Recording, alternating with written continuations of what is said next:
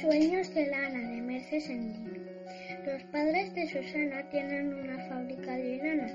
Una vez por semana las ovejas llevan a su casa las madejas.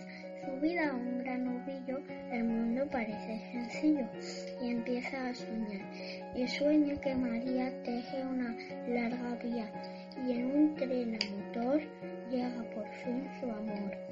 Sueña que Laura, que vive en la ciudad, teje un jardín tan florido que parece de verdad. Sueña que Sofía teje una bonita melodía, que el viento hará sonar en un remoto lugar.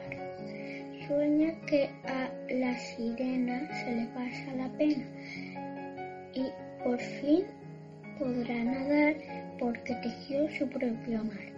Sueña que Julia a un globo se sube y teje una a una cada nube. Y en los cuentos las princesas prisioneras tejen con nubes largas escaleras. Susana sueña que a un árbol subida empieza una nueva vida.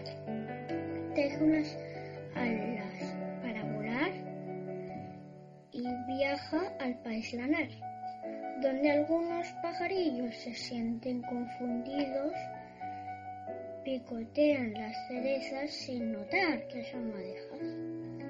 O hay forzudos muy delgados que parecen entrenados y si te pones a su lado, solo lana han levantado.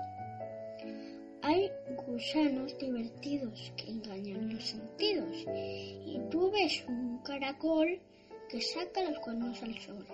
Y lo mejor del país lanar es que todas las noches hay una luna espectacular.